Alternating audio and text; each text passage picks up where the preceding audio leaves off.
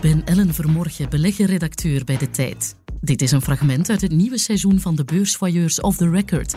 Een podcast boordevol tips van ervaren beleggers. Wil je de volledige aflevering horen? Die vind je exclusief op tijd.be of in onze app. Ja, ik heb het geluk gehad van in die periode, dus ja, daar Larry zat Larry, Fink. Larry Ja. Fink Ja, tussen de analisten.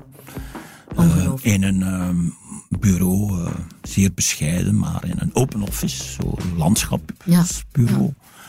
En ik herinner me nog heel goed, ik kwam in een paperless office dan al. Mhm. Ik spreek van 95, dus dat is toch wel al eventjes geleden. En ik was zo impressed door de man, vooral door het geïntegreerd risicobeheer. Hoe dat, eh, goed, dus dat was eigenlijk een, die, el- elke analist had een viertal schermen voor hem en hij legde alles uit via die schermen.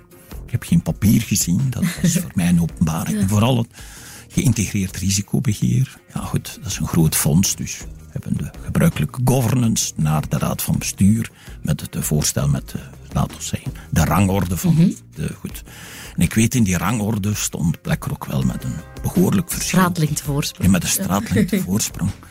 En ik herinner me nog dat voorzitter zei, nog nooit van gehoord plek, u gaat toch niet het, want Het risico nemen om met zo'n partij... met zo'n partij, het, vergeet dat niet, dat was dan het pensioengeld van tienduizenden RTT-mensen, wettelijk pensioen. En dan al was ik redelijk, ik, ik was zo overtuigd dat ik zei, zeg meneer de voorzitter, geachte raad van bestuur, Ja. nee, wij hebben ons huiswerk zeer grondig gedaan. Ja.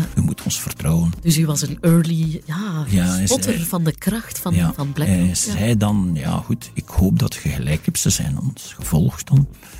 Eh, gelukkig heb ik gelijk gekregen, want anders was waarschijnlijk mijn carrière, carrière. anders verlopen. Ja, ja, ja, u nam daar wel een sprong ik, eh, in ik het om. denk dat ik de eerste of de tweede belegger was die hem ooit een obligatiemandaat eh toe...